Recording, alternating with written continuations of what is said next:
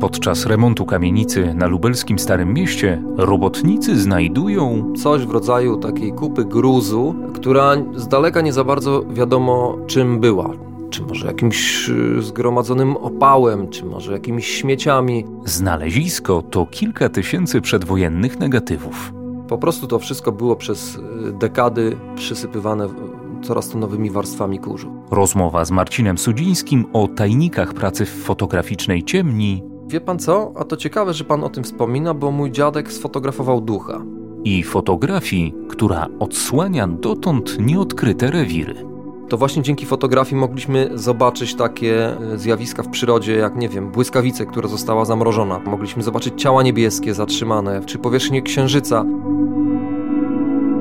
Halo? Kultura.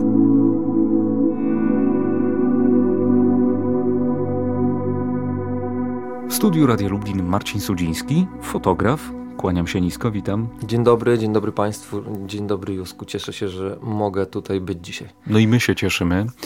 Bo chciałem z Tobą porozmawiać trochę o pracy fotografa, ale nie tego, który no, kreuje rzeczywistość szukając kadrów, tylko tego, który na przykład pracuje z fotografiami archiwalnymi, który wywołuje. I myślę, że takie wywoływanie starych negatywów, a, a możesz sporo o tym powiedzieć, trochę przypomina pracę archeologa, który gdzieś e, ten piasek odsuwa, odsuwa i nagle mu się e, ujawnia coś zupełnie nowego. Jakie są najciekawsze archiwalia, z którymi mogłeś pracować? Najciekawszym archiwum, z jakim dane mi było się zetknąć, było archiwum twarzy nieistniejącego miasta. Jak zostały e, odnalezione? Odnalezione zostały w ten sposób, że remontowano strych y, na lubelskim rynku. Były po prostu tam jakieś zwały rzeczy, zakurzone gazety, coś w rodzaju takiej kupy gruzu, która z daleka nie za bardzo wiadomo y, czym była. Czy może jakimś y, zgromadzonym opałem, czy może jakimiś śmieciami. Po prostu to wszystko było przez y, dekady przysypywane coraz to nowymi warstwami kurzu. Kiedy robotnicy z, zaczęli bliżej się temu przyglądać, okazało się, że to są warstwy negatywów. Panowie, którzy prowadzili nadzór, zareagowali bardzo przytomnie. Krzysztof Janus od razu wiedział, co znalazł, że, że jest to niezwykłe znalezisko.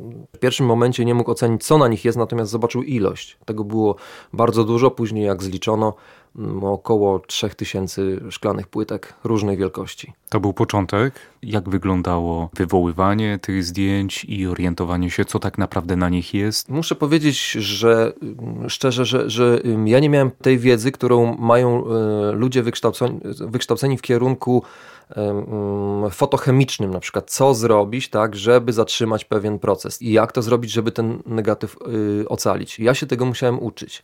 Nauczyłem się dosyć szybko, y, a to dlatego właśnie, że też sięgałem już wcześniej po archaiczne metody, tak jak mokrą metodę, metodę kolodionową, która polegała na przygotowaniu własnoręcznej emulsji, nałożeniu y, tego na y, szkło bądź metal i przeprowadzeniu ca- całego procesu. W związku z tym ja miałem pewną śmiałość. Wiedziałem, że nie ma dramatu, jak nagle emulsja zaczyna spływać, że, że kiedy emulsja zaczyna spływać, jeśli ona jest mocna, możemy z nią jeszcze mm, trochę podziałać, to nie jest koniec.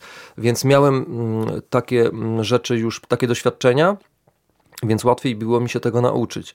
Bardzo taką pomocną osobą w tym względzie okazał się też pan Jerzy Łapiński. On jest y, członkiem Polskiego Związku Artystów y, Fotografików. Też jest biegłym są- sądowym, więc wielokrotnie też miał do czynienia z różnymi sp- sprawami dotyczącymi archiwów fotograficznych. Y, Miał też wiedzę, jak się postępuje w tym, w tym zakresie i poprosiłem go o przyjazd do ośrodka y, i ocenę stanu tych negatywów. Y, Zaczęliśmy trochę pracować i on powiedział, że może pan to zrobić dwoma metodami. Pierwszą to jest oddać to do laboratorium, gdzie zapłacicie państwo olbrzymie pieniądze, a druga to jest krok po kroku, może pan to zrobić sam. E, I powiedział mi, jak to zrobić. E, I, i, i zacząłem to robić. Jak to odczyszczanie wyglądało? No bo najpierw pewnie trzeba było, no najpierw to w ogóle spod gruzu było wydobyte, tak? Później pewnie odkurzanie jakieś. Tak, ja miałem y, ten pierwszy etap już za, y, już za sobą. Miałem y, to ułatwienie, że Krzysztof Janus y, odczyścił te negatywy z pyłu. Czyli on, on, on wziął tak naprawdę tą, tą czarną robotę na siebie, zanim to przekazał do ośrodka, dlatego że on odpylał to wszystko, zczyszczał wstępnie. co jest tak naprawdę robotą najgorszą, dlatego że nie zapominajmy, że to są rzeczy, które leżały w określonych warunkach przez załóżmy 80 lat.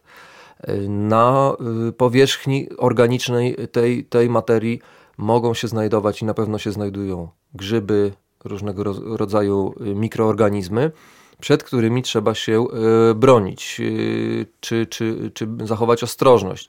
Większość z nich była jakby miała taką zaschniętą skorupkę brudu. Bieraliśmy negatyw, patrzyliśmy, on był czarny, nic nie było widać. Natomiast ja wiedziałem, że tam pod spodem jest obraz.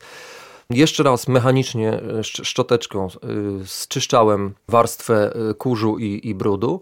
Później moczyłem to w wodzie demineralizowanej. Później delikatnie w płuczce właśnie spłukiwałem ten zmiękczony kurz.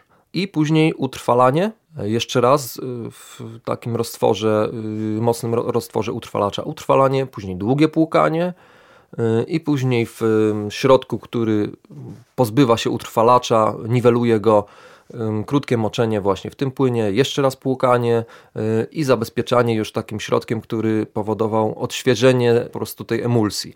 Otrzymywało się negatyw prawie jak nowy, sprzed 80 lat, tak, ze, ze studia tego fotografa, który, który to robił. Pamiętasz te pierwsze obrazy, które ci się wyłaniały? Te negatywy były dosyć duże, 13 na 18 9 na 12, 10 na 15 cm. To już jest na, na tyle dużo, żebyśmy mogli podnosząc yy, do światła negatyw zobaczyć twarz, zobaczyć oczy, zobaczyć wyraz ty, y, tej, tej twarzy, yy, zobaczyć sylwetkę, dokładnie zobaczyć elementy ubrania już na samym negatywie. W momencie powiększania, no to jeszcze to wszystko nas bardziej uderza. Na którym etapie tak naprawdę Zorientowałeś się i wiedziałeś już, czyje to są zdjęcia, kto mógł je wykonać? Było kilka osób, które mm, pracowało i dociekało.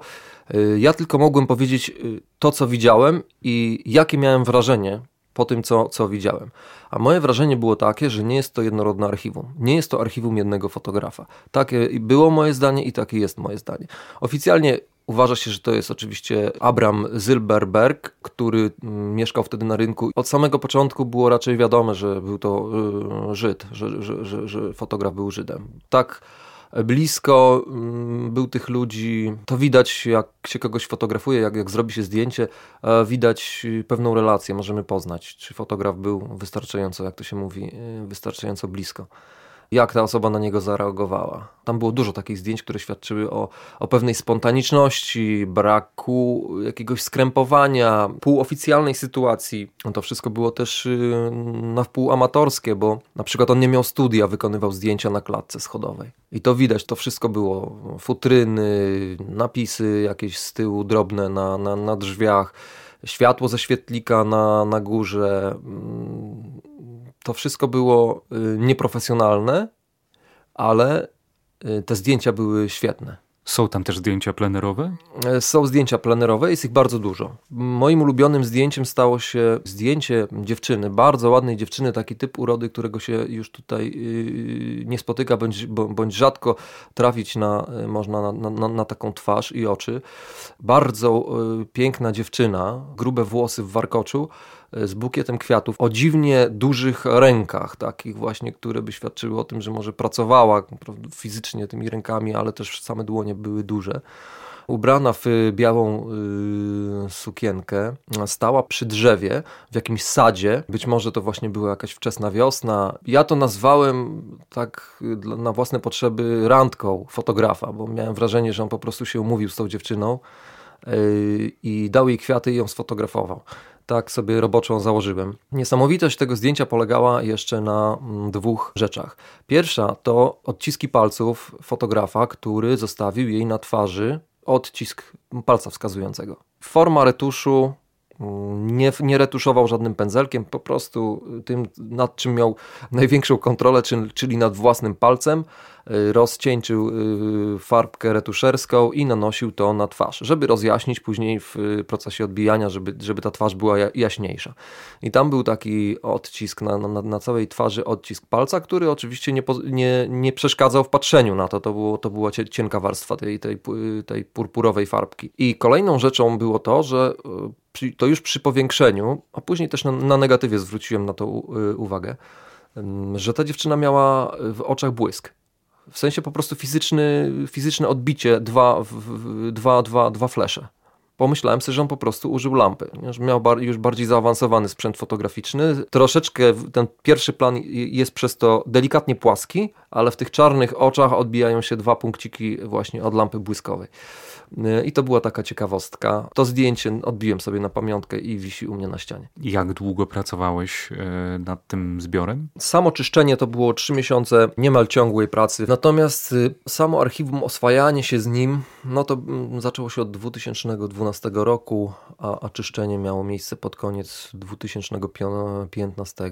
No dobrze, to kiedy się udało zabezpieczyć ten zbiór, to wtedy pewnie jest radość, że, że one są bezpieczne, ale pewnie też się pojawiają jakieś znaki zapytania, co z tym można zrobić dalej, czy jest szansa może odszukać kogoś, kto jest na tym zdjęciu?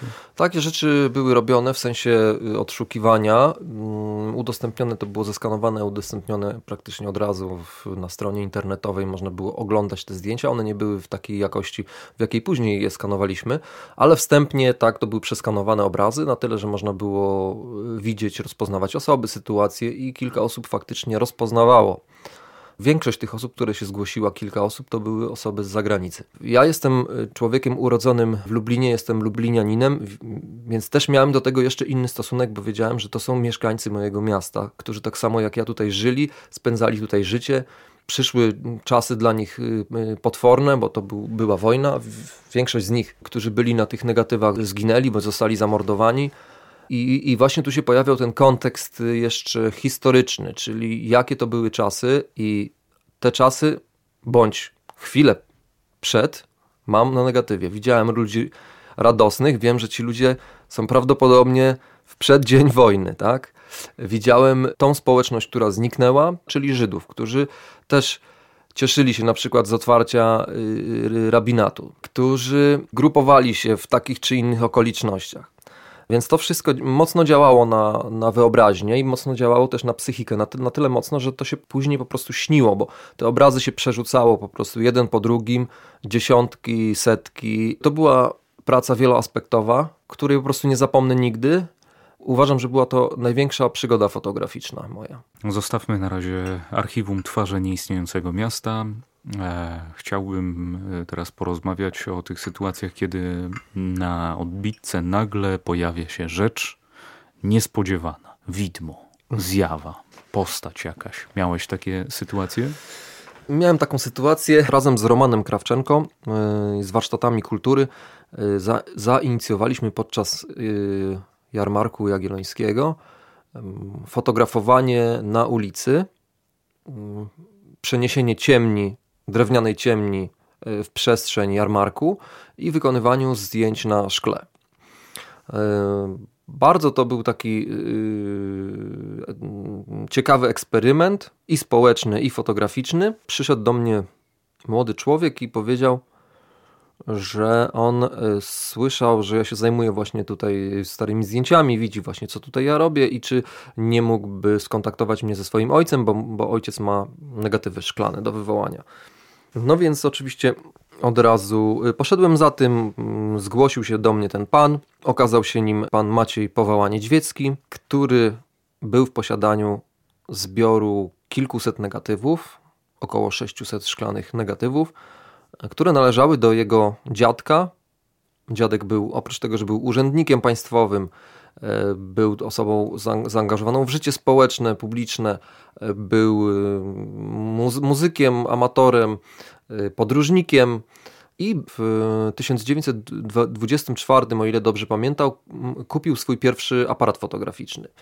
I tym aparatem zaczął w taki sposób trochę szalony fotografować wszystko. Szalony dlatego, że widać, że go ogarnęła pasja fotografowania. Jak ja później patrzyłem na te negatywy, to mi się przypomniał przypomniała ze 100 lat samotności taka scena fotografującego bohatera Arcadio Jose Buendia, który dostał y, warsztat dagerotypowy od swojego przyjaciela mistyka, cygana Melkiadesa i postanowił sfotografować y, Boga, więc sfotografował wszystko, co mógł. Robił multiekspozycje, robił fotografie natury, ludzi, fotografował wszystko. To taki był ciekawy właśnie opis y, faktu, jak człowieka ogarnia ta pasja robienia czegoś, wejścia na, na 100% w, właśnie w pewną e, czynność. I, i, i to, to samo widziałem u Niedźwieckiego, że on e, zaczął fotografować. Oczywiście na początku popełniał mnóstwo błędów technicznych, uczył się, uczył z negatywu z roku na rok. Później czytając daty na kopertach można było też Y, patrzeć, jak on szlifował warsztat, jak uczył się mm, tego fotografowania i późniejsze negatywy już z lat 30. były naprawdę bardzo dobrze naświetlone, bardzo dobrze skadrowane. Na tych negatywach y, były sytuacje różne, y, na przykład sytuacje rodzinne. Myśliwi podrzucają rodzinie niedźwieckich szczenie wilcze, które znaleźli, nie wiem, w lesie czy w jakichś innych okolicznościach, po prostu wzięli ze sobą to szczenie, przynieśli do niedźwieckich, niedźwieccy postanowili, że ten wilk zostanie z nimi. Tak? On nazwali go Ralf i on się z nimi oczywiście zawsze pozostał wilkiem, natomiast troszeczkę się udomowił, gdzieś tam sobie chodził koło domu czy w jakiejś zagrodzie. I y, są później fotografie, na przykład dziecka y, z tym, z tym wilkiem, który jest zatytułowany na kopercie Strach przed Ralfem. Mała dziewczynka, która tam troszeczkę widać jest przestraszona. Inne sytuacje. Y, rodzina Niedźwieckich buduje czy zakupuje mm, łódź taką na, na kilka osób, woduje ją na Wiśle i płyną przez bodaj dwa tygodnie całą rodziną, e, robią spływ. Lucjusz Powała Niedźwiecki, bo tak nazywał się ten fotograf, rejestruje wszystkie momenty na wodzie, w przystaniach, fotografie z perspektywy Wisły na e, Tyniec czy na Kraków. Bardzo ciekawy właśnie zapis. Masę takich rzeczy. Y, szczególnie może dla mnie ujmujące były fotografie pomników przyrody, czyli on już miał świadomość tego, że na przykład drzewo jest, jest, jest wielką wartością, jest takim samym ym, skarbem kultury, czy, jak, czy, czy, czy narodowym dziedzictwem, bo wtedy tak trzeba pamiętać, że, że, że też to ta fotografia i te czasy, które były, to były czasy po odzyskaniu niepodległości, więc ym, troszeczkę inny stosunek był do pamięci, do tego właśnie, co, co odzyskaliśmy, tak, i jakim społeczeństwem zaczynamy znowu się stawać. Yy, więc on miał to piękne myślenie właśnie, że te drzewa to też yy, jest wartość, która musi być zachowana. W swoich y, zbiorach zachował naprawdę dużo y, fotografii lip, dębów, y, różnego rodzaju tam wiązów i tak dalej.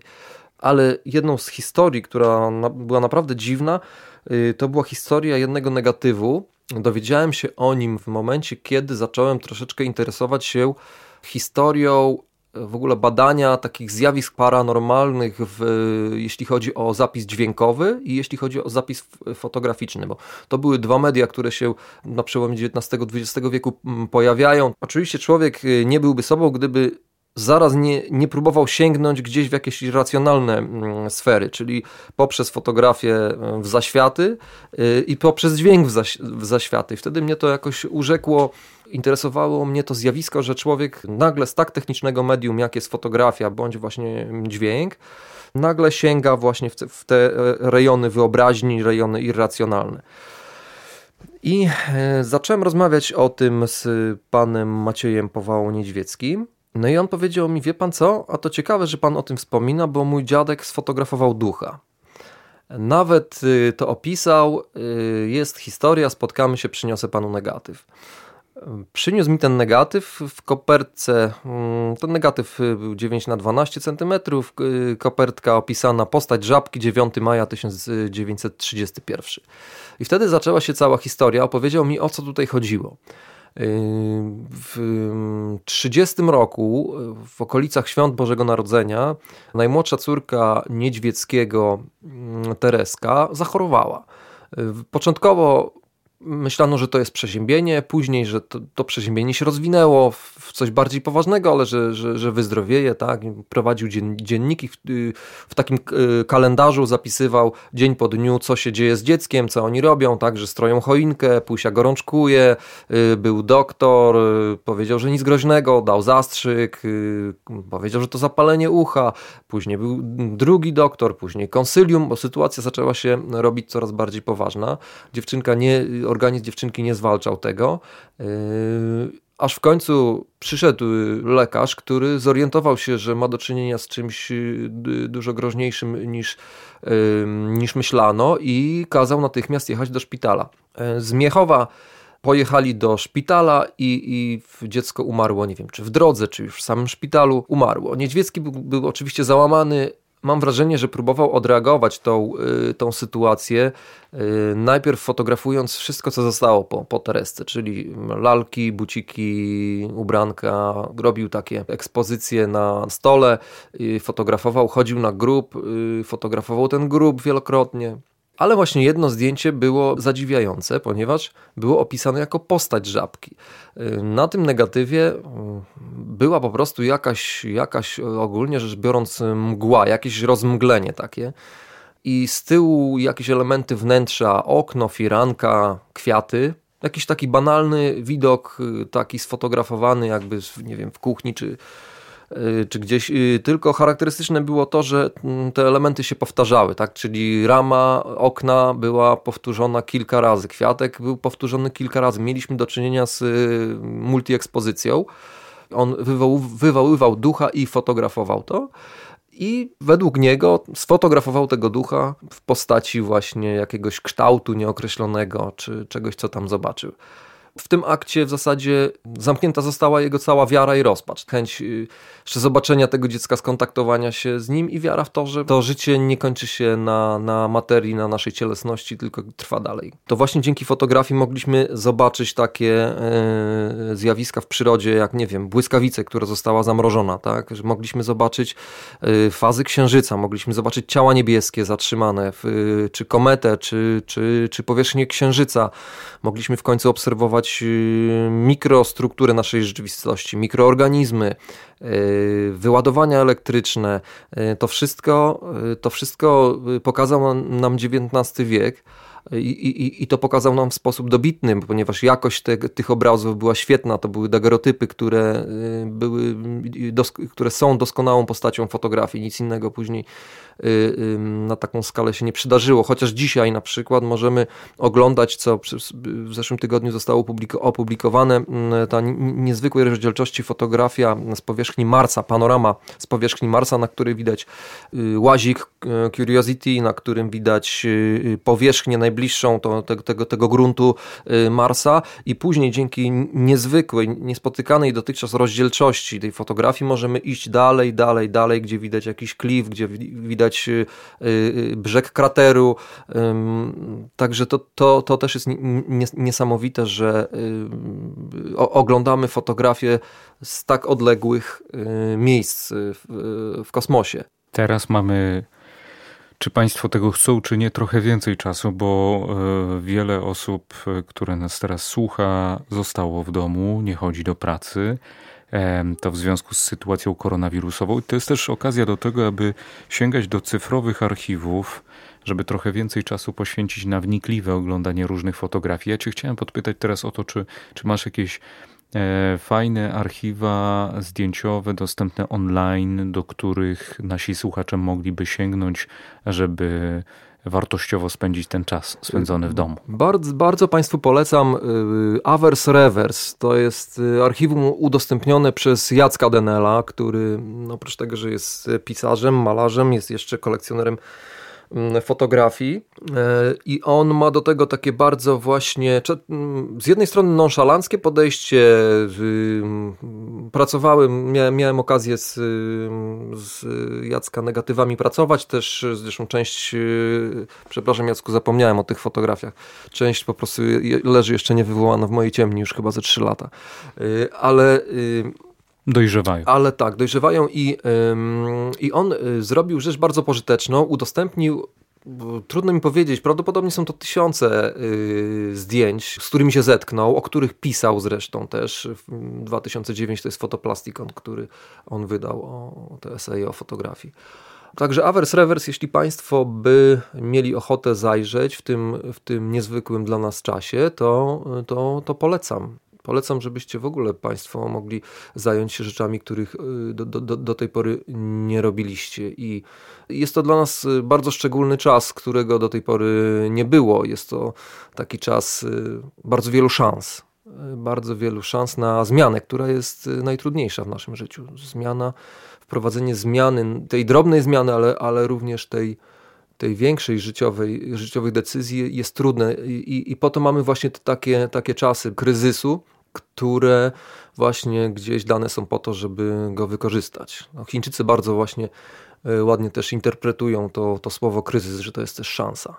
Że to Mhm. nie jest coś, coś, coś strasznego i tragicznego, co nas, co nas spotyka, ale jest, jest, jest to szansa.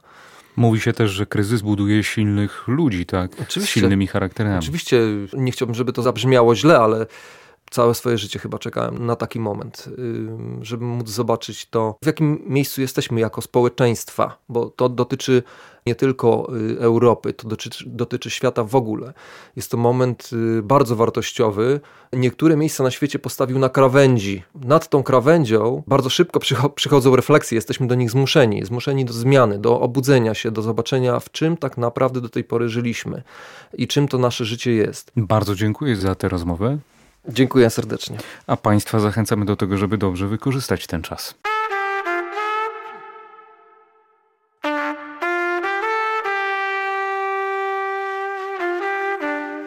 Halo? Kultura.